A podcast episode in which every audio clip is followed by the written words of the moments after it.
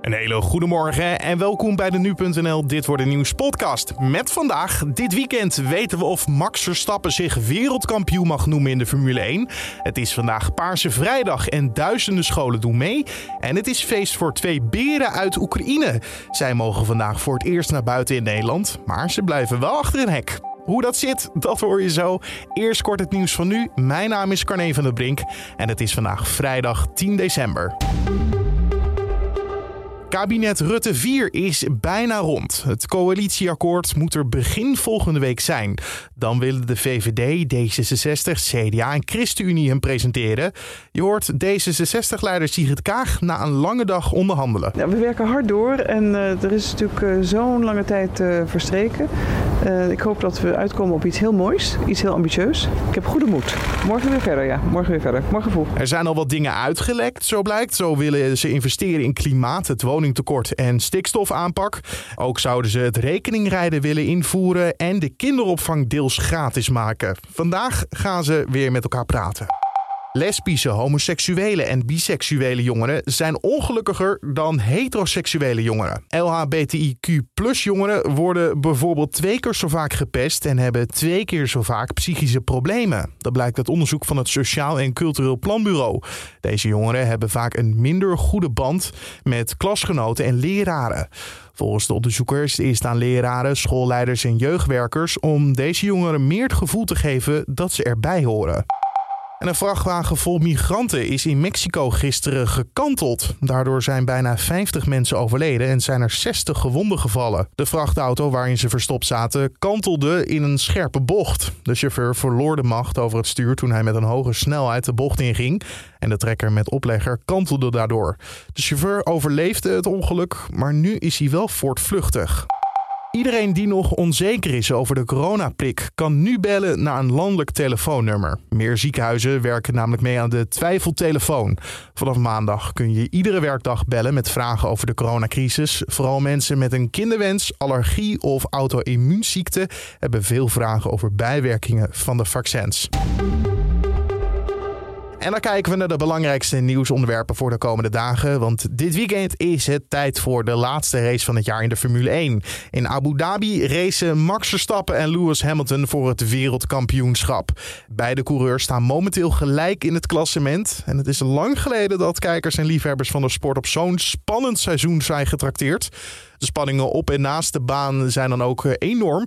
Gisteren zaten Max en Lewis al even tegenover elkaar. En het ging vooral over één ding. Wat nou bij een botsing? Je hoort Max bij Sky Sports. I think as a driver you don't think about these things. You just want, you know, you go to a weekend where you just want to do the best you can as a team. And of course you try to win the race. But naturally the media starts to say these things, you know. So yeah, I don't really have a lot more to comment on that. I think I arrived here just trying to do the best I can, trying to be the best prepared. And, and of course, naturally trying to, to win this weekend. En ook Hamilton werd nog even gevraagd of hij denkt dat het kampioenschap wel eerlijk gewonnen zal worden. Honestly, I just don't give it any energy. Um, I'm here to do the best job I can with this incredible team.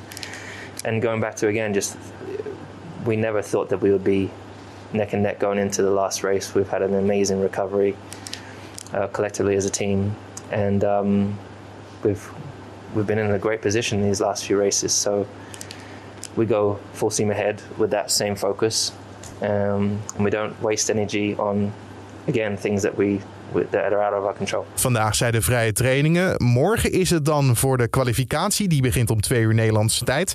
En zondag weten we dan wie zich wereldkampioen van 2021 mag noemen.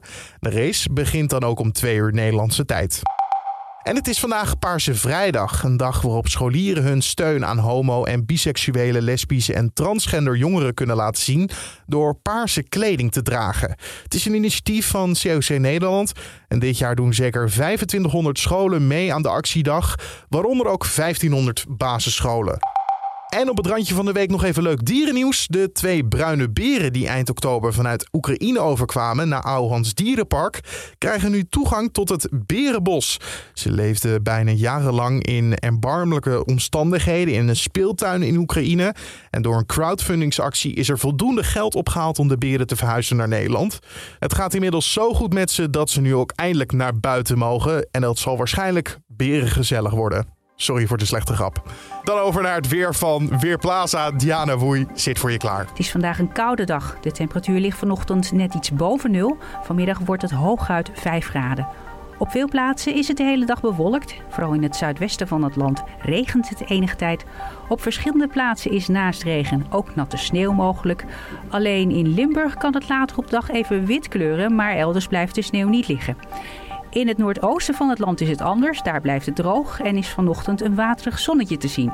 De wind is zwak tot matig uit uiteenlopende richtingen. Later vanmiddag en vanavond kan het in Zeeland en Zuid-Holland even hard of stormachtig waaien. Dankjewel Diana Woei van Weerplaza. En om af te sluiten nog even dit.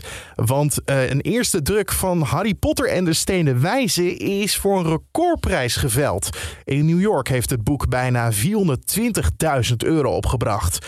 En nooit eerder werd er zoveel betaald voor een modern boek. Van deze Engelse uitgaven zijn er maar 500 exemplaren gedrukt en de meeste staan in Engelse bibliotheken, dus hij is zeer zeldzaam.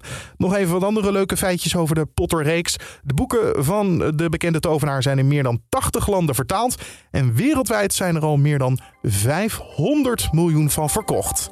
Dat tikt lekker aan. Tot zover deze Dit Wordt Het Nieuws podcast uh, voor de vrijdag 10 december. Dank voor het luisteren. Maak er een mooie dag van. Mijn naam was Carne de Brink. Fijn weekend ook alvast en tot maandag.